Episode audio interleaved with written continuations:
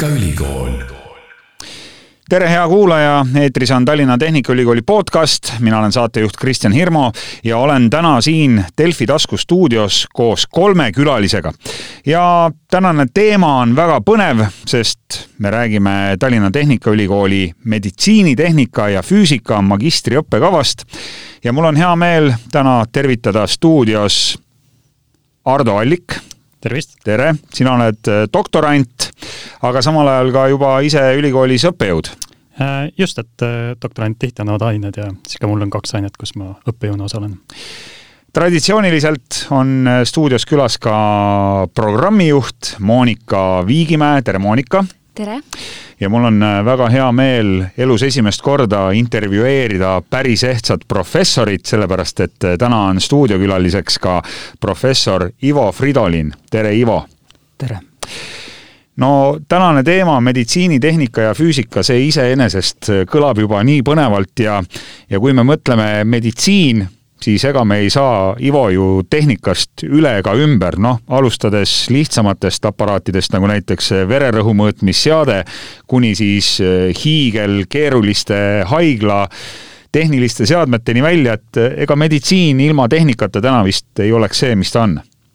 nii see on. Tänapäeva haiglad on eh, järjest rohkem varustatud kaasaegse ja väga keeruka meditsiinitehnoloogiaga ja see tingib ka vajaduse vastava väljaõppe eh, saanud spetsialistide järele. ja neid siis koolitab Tallinna Tehnikaülikool, neid spetsialiste? jah, ja eriala on alguse saanud juba tuhande üheksasaja üheksakümne kolmandal aastal, kui Tallinna Tehnikaülikoolis eh, loodi selline spetsialiseerumine nagu biomeditsiinitehnika. Ehm, nii et tegemist on küpse õppekavaga mida annavad kogenud õppejõud ja kuna haigla ähm, tehnoloogia järjest uueneb äh,, siis kindlasti on meie eriala spetsialistide järele valu, vajadus olemas äh, no ikka väga suur ilmselt. meditsiiniringkondades. Monika, mis ja mida see õppekava endast täpsemalt kujutab, et milliseid aineid seal õpetatakse, millised on spetsialiseerumised, on, on midagi sellist, mis võib-olla võrreldes teiste Tallinna Tehnikaülikooli õppekavadega on hoopis teistmoodi? Jah, et äh, nii nagu sai nimetatud, et õppekava kannab praegu nime meditsiinitehnika füüsika, tegemist siis kaheaastase magistriprogrammiga, et õppes tuleb läbida neli semestrit. ja, ja lõpetanu siis äh, lõpetamiseks peab tegema ka praktilise uurimistöö. ja lõpetanu saab äh, tehnikateaduste magistrikraadi ja biomeditsiinitehnika inseneri esmakutse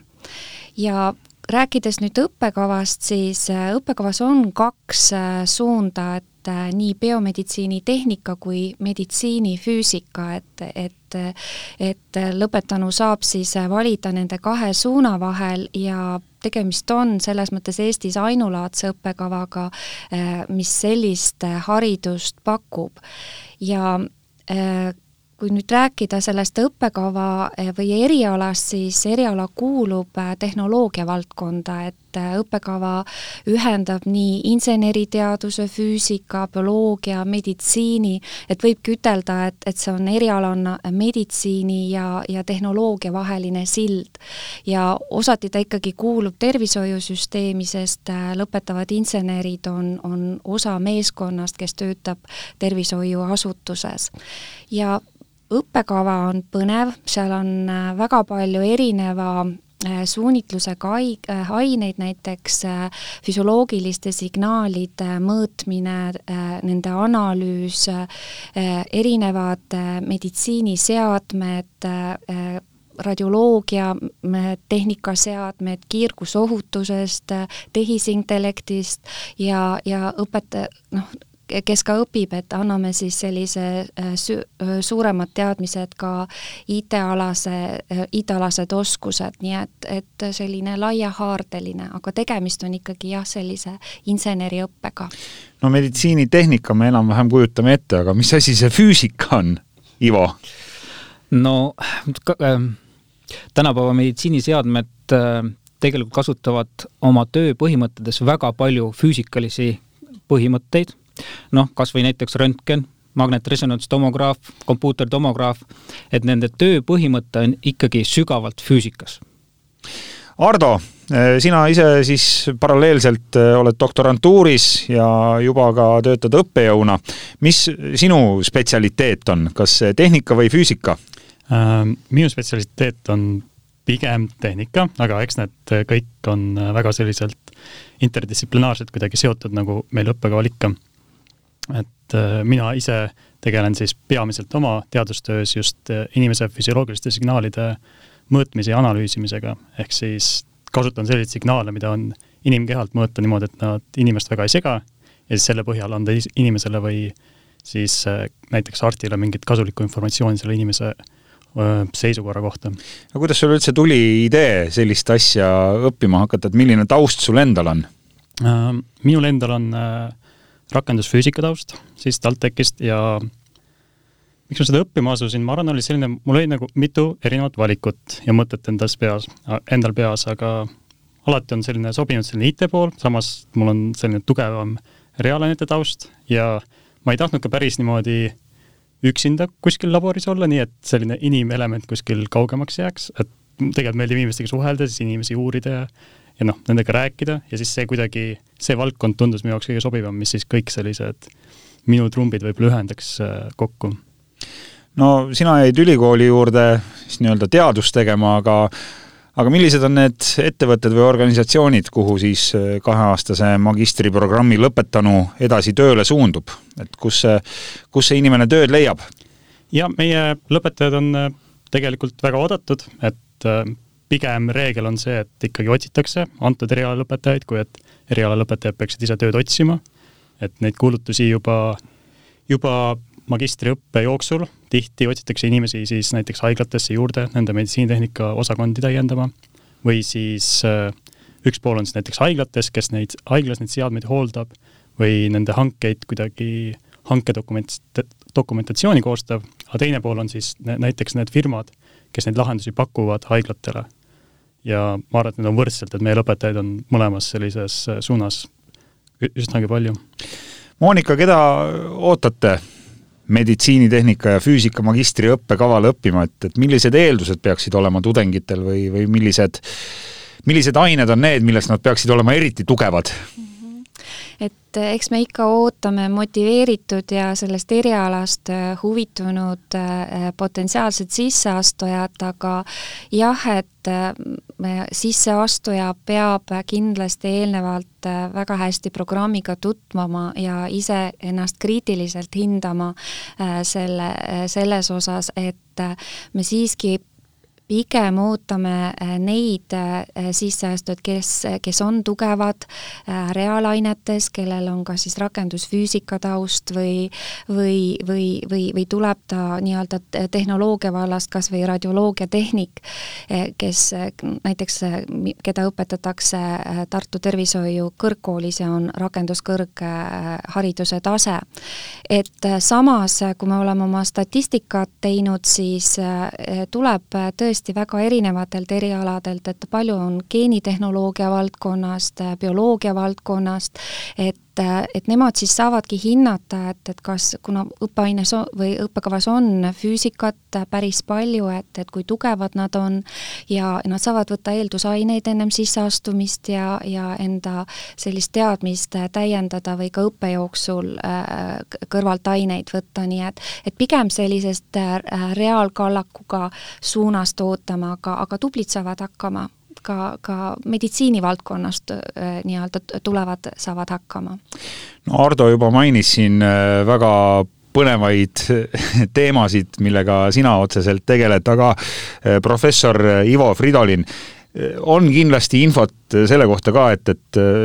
millistesse ettevõtetesse ja milliste projektide juurde teie vilistlased edasi tööle lähevad, et, et on, on äkki mõni selline põnevam lugu ka siin kuulajale rääkida no kindlasti kaasajal on kõige põnevamad kohad need nimetatud spin-off ehk hargettevõtted.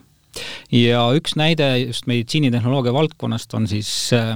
üks Eestis tegutsev hargettevõte, mis äh, kasutab reaalajas äh, salvestatud südamesignaale, et leida tehisintellekti algoritmide abil mustreid, mis võimaldaksid ennustada kardiaalset äkksurma no kõlab, kõlab igal juhul väga põnevalt ja, ja ma usun, et tööpõld on lai, siin räägitakse ju veel ka personaalmeditsiinist ja, ja kõigest sellest, kuidas see meditsiin areneb, et, et millised need arengud võib-olla selle meditsiinitehnika suunal üldse siin lähiaastatel või aastakümnetel välja võivad näha? viimased arengud meditsiinis eh, ja siis eh, meditsiinitehnoloogia toel on tegelikult suunatud eh, varajasele diagnostikale ja selles äh, valdkonnas äh, on meie instituudis mitu äh, uurimissuunda. üks uurimissuund tegeleb näiteks varajase südame-veresoonkonna haiguste mm, diagnostikaga tegemist on biooptika meetodiga ja see meetod püüab siis hinnata inimese veresoonte vanust. ja juhul, kui veresoonte vanus erineb oluliselt inimese bioloogilisest vanusest, sageli on siis veresoonte vanus äh, kõrgem kui inimese bioloogiline vanus, siis see viitab tõenäoliselt ka varasele südame-veresoonkonna haiguste riskile.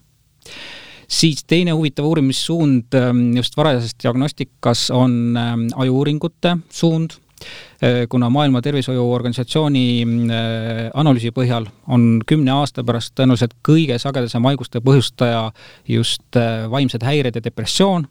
siis äh, meie instituudi uurimisgrupp tegeleb äh, sellega, et äh, ajusignaalide põhjal leida mustreid ja algoritme, kuidas neid varajaseid ajuhäireid oleks võimalik mõõta ja tulevikus võib-olla siis saavad meil olema igapäevased asjad peale aktiivsusmonitoride. mis on ka ju tegelikult meditsiiniseade justkui. täiesti õige, et saavad olema ka võib-olla siis stressimonitorid mis monitoorivad siis meie stressitaset. ja ma võib-olla mainiksin ära ka seda, et Ardo on mm, kaasa löömas ühes huvitavas projektis, mis tegelikult tegeleb ka sellist põnevat valdkonda nagu väsimuse monitooring. nii et kui teil on vaja katsejänest, siis ma olen kohe nõus osalema mina võin selle monitori endale külge panna oh.. mina, kes ma ärkan iga hommikul kella viie paiku. Aga Ardo käest tahtsingi küsida veel seda, et no teema on ülipõnev ja, ja nagu siin Ivo jutust ka kuulsime, siis äh, neid suundi, millega tegeletakse, on, on siis tõesti siit nurgast ja sealt nurgast äh, inimkeha pealt äh, keskpõrandale kokku. et kuidas see õppetöö magistrikavas välja näeb, et kas on ka mingeid praktilisi ülesandeid või käite kuskil päris haiglates, laborites, polügoonidel või, või on tegemist ainult sellise tuima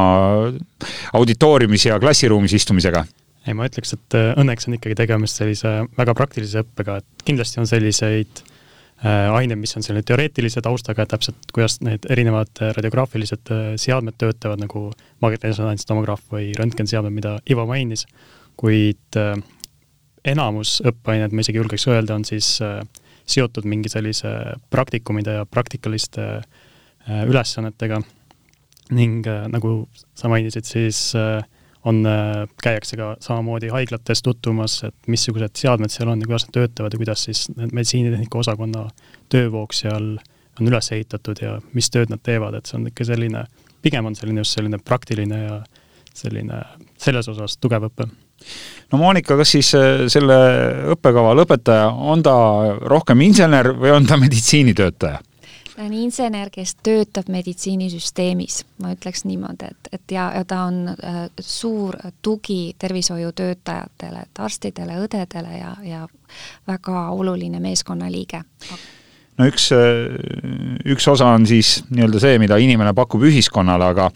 aga ma usun, et selle õppekava läbinud tudeng saab ka väga palju selliseid teadmisi, mida omaenda tervise ja, ja heaolu nimel rakendada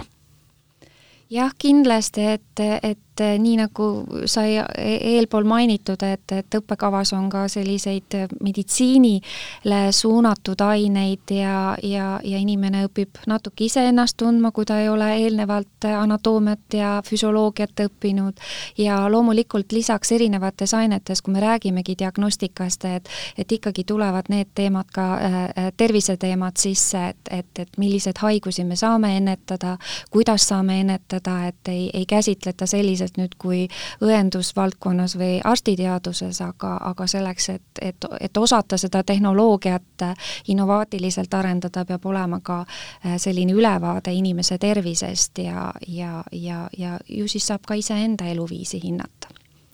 ütleksin veel omapoolse kommentaari, et tulevikus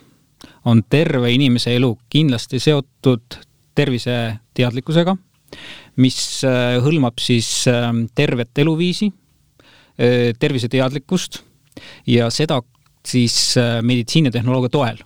mm. -hmm. et lihtsalt toon ühe näite, et kui inimesel avastatud, avastatakse näiteks nimetatud rasvumisgeen, siis terviseteadlik inimene teab, et geenid on vaid evolutsiooniline võimalus, mis ei pruugi realiseeruda. ja see inimene loob endale tingimused just läbi tervisliku eluviisi koos meditsiinitehnoloogiatega, et siis hoida oma keha normaalsena. ja ta võib kasutada selleks aktiivsusmonitore, igasuguseid äppe, mis monitoorivad ta dieeti, äh, kehalist aktiivsust ja samuti näiteks virtuaalseid tugi, tugigruppe, nõustamisi, et see on tegelikult see, mida inimesed järjest ja järjest rohkem võiksid ja isegi peaksid tegema, et olla terved no me juba rääkisime väsimuse monitoorimisest ja sellest äh, vaimsest tervisest, aga aga kui nüüd päris niimoodi fantaseerida või minna ulmevaldkonda, siis äh, milliseid kas või näiteks koduses majapidamises kasutatavaid meditsiiniseadmeid veel tulevikus inimestel olla võiks? no kindlasti, nagu mainitud, et erinevad monitorid, mis järgivad siis äh, meie äh, elustiili, meie liikumisharjumusi kindlasti tulevad ähm, rakendused, mis äh, jälgivad meie toitumisharjumusi, selle kalorsust ähm,, meie äh, maitse-eelistusi äh,, samuti siis äh, on meil tulevikus suurem osakaal võib-olla äh, nutikatel kaaludel, nutikatel vererõhumõõturitel, glükomeetritel, termomeetritel, et kõik see tegelikult võimaldab jälgida meie tervisekäitumist ja, ja ma lisaks veel Ivole siia, et, et ma tooks siia sisse unemaailma ja unemeditsiini, et, et see on ka see osa, kus otsitakse pingsalt praegu selliseid tehnoloogilisi võimalusi, selliseid füsioloogilisi signaale, kus me saaksime ka kodupõhiselt näiteks eristada unefaase, unehäireid, uneharjumust, et, et praegused uuringud on sellised, kus, et, et me peame registreerima inimese aju biovoogu, peavoolusid, äh, silmaliigutusi, et, et see nõuab väga palju elektroode, mis inimesele äh, külge pannakse, aga, aga jah, see, see otsimissuund on, et, et väiksemate elektroodide arvuga kodupõhiselt ja, ja, ja, ja inimene saaks ka enda und jälgida või siis telemeetriliselt äh, meditsiinitöötajale selle info saata. no Ardo, milliseid masinaid veel laborites praegu ehitatakse millist tehnikat sealt leida võib um,? Ma võib-olla räägin just enda kogemustest näiteks, et äh, kui mina olengi saanud äh, osaleda mitmes sellises huvitavas projektis oma siis äh, doktoriõppeaeg, et algas tegelikult see magistritööst, et kus me siis arendasime Boschile sellist äh, äh, inimese liikumisviiside tuvastamise algoritmi, ehk siis äh, lisaks sellele, et äh, me, me saame teada, et äh, palju inimese, näiteks aktiivsusmonitoridel mitu sammu sa teed? ei, lisaks sellele, et kas mitu sammu me teeme aga kas sa teed need sammud õigesti? mitte sa-, mitte seda ka, aga ka seda, et ütleme, kui, kui kiiresti me siis neid samme teeme või selles osas, kas me üldse teeme samme või kas me jookseme, et sellised seadmed aitaksid seda automaatselt öelda ja tänu sellele siis näiteks äh, Ivo siin mainis energiakulu, me saame täpsema energiakulu hinnangu inimesele anda. et ähm, see oli üks siis teine, teine koht, kus ma sain panuse anda, oli just selline kukkumise tuvastamine ehk siis, kui inimene töötab kuskil ohtlikus keskkonnas, kus kukkumine võib olla väga ohtlik, näiteks äh, sel puhul oli siis tegemist äh, inimestega, kes töötavad äh, Norras kalakasvatuses. Ja kui on see veetemperatuur on väga külm, nii et kui inimene kukub sinna vette, siis on võib-olla sellised loetud minutid, et seda inimest üldse päästa, et siis oleks mingi selline algoritm, mis automaatselt tuvastaks ära, et see on kukkumine toimunud ja annaks siis mingisuguse sellise häiresignaali kellelegi, kellel on võimalus talle siis appi minna no ma saan aru, et selles valdkonnas saab tööd üle terve maailma, et äh, kuhu vilistlased veel välja on jõudnud, millistesse ettevõtetesse või, või millistesse valdkondadesse? suured, suured kompaniid kindlasti on ka avatud nendele, kes lõpetavad selle magistrikava? jah, meie lõpetajad on läinud ka laia maailma, et teame e, päris mitut ähm, lõpetajat, kes on läinud just suurtesse meditsiinitehnoloogia ettevõtetesse, nii Philips kui ka, kui ka mujale, et, et ähm, Rootsis, siin Skandinaavias ja, ja mujal. nii et äh, selle, selle erialaga hätta ei jää ka väljaspool Eestit elades ja töötades? ei jää. no nagu juba korduvalt täna öeldud sai, see on äh, väga põnev, põnev valdkond, väga põnev õppekava. Monika, ole hea, palun räägi veel kiiresti, kui nüüd kellelgi täna TalTechi podcasti kuulajatest äh, tekkis idee, et, et vot see on see asi, mida ma tahan õppida ja see on see valdkond, milles ma tahan ennast arendada, siis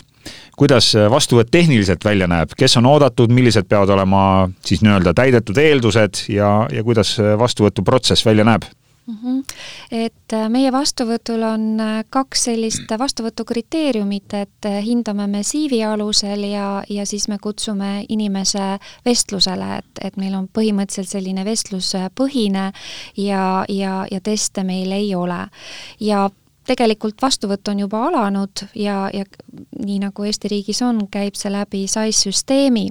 et lisaks ma siia võib-olla selle täpsustuse juurde, et äh, alates äh, sellest sügisest meie õppevorm muutub, et siiamaani on olnud see päevaõpe ja, ja nüüd oleme siis ületanud nagu selle selle võima-, või oleme saanud selle võimaluse, et, et alustada sessioon õppega ja see käivitub sügisel, tähendab see seda, et põhimõtteliselt on kontakttunni mahtu vähendatud seal viieteist, kahekümne protsendini ja, ja, ja eesmärk on just siis olla atraktiivne töötavale äh, noorele või, või, või äh, jah, töötavale inimesele, samas pakkuda ka võimalust, paindlikku võimalust juba õppimise ajal tööd leida, nii et et äh, ma arvan, et selline sessioonõpe on ka tänapäevases kriisiühiskonnas äh, õige lahendus, kus me järjest vähendame inimesega kontakte, et, et, et hetkel hetkel võib-olla teenib see ka äh, selles osas nagu õiget suunda, et aga päris kaugõppeks me kunagi minna ei saa, sest väga oluline on siin praktiline osa ja äh, nii nagu eelpool kõnelejad juba rääkisid, laboritöödel. et jah nii et äh, praegu keerulistel aegadel maailmas, kui me endiselt äh, võitleme selle koroonaviirusega, samamoodi ilmselt äh, ka selle valdkonna tudengitel ees ootab tööpõld üsna lai. Kena, minul oli igal juhul väga põnev ja tuletame siis korra veel meelde, et täna olid külas Tallinna Tehnikaülikooli meditsiinitehnika ja füüsika magistriõppekavast rääkimas Ardo Allik. Ja suur tänu sulle. lisaks äh, aitäh Monika Viigimäele, programmijuhile ja ka professor Ivo Fridolin, suur tänu tulemast siia TalTechi podcasti. mina olen Kristjan Hirmu, aitäh ka kõikidele, kes kuulasid ja Tallinna Tehnikaülikooli podcasti leiab Delfi taskulehelt tasku.delfi.ee ja loomulikult ka Spotify'st, SoundCloud'ist ja iTunes'ist.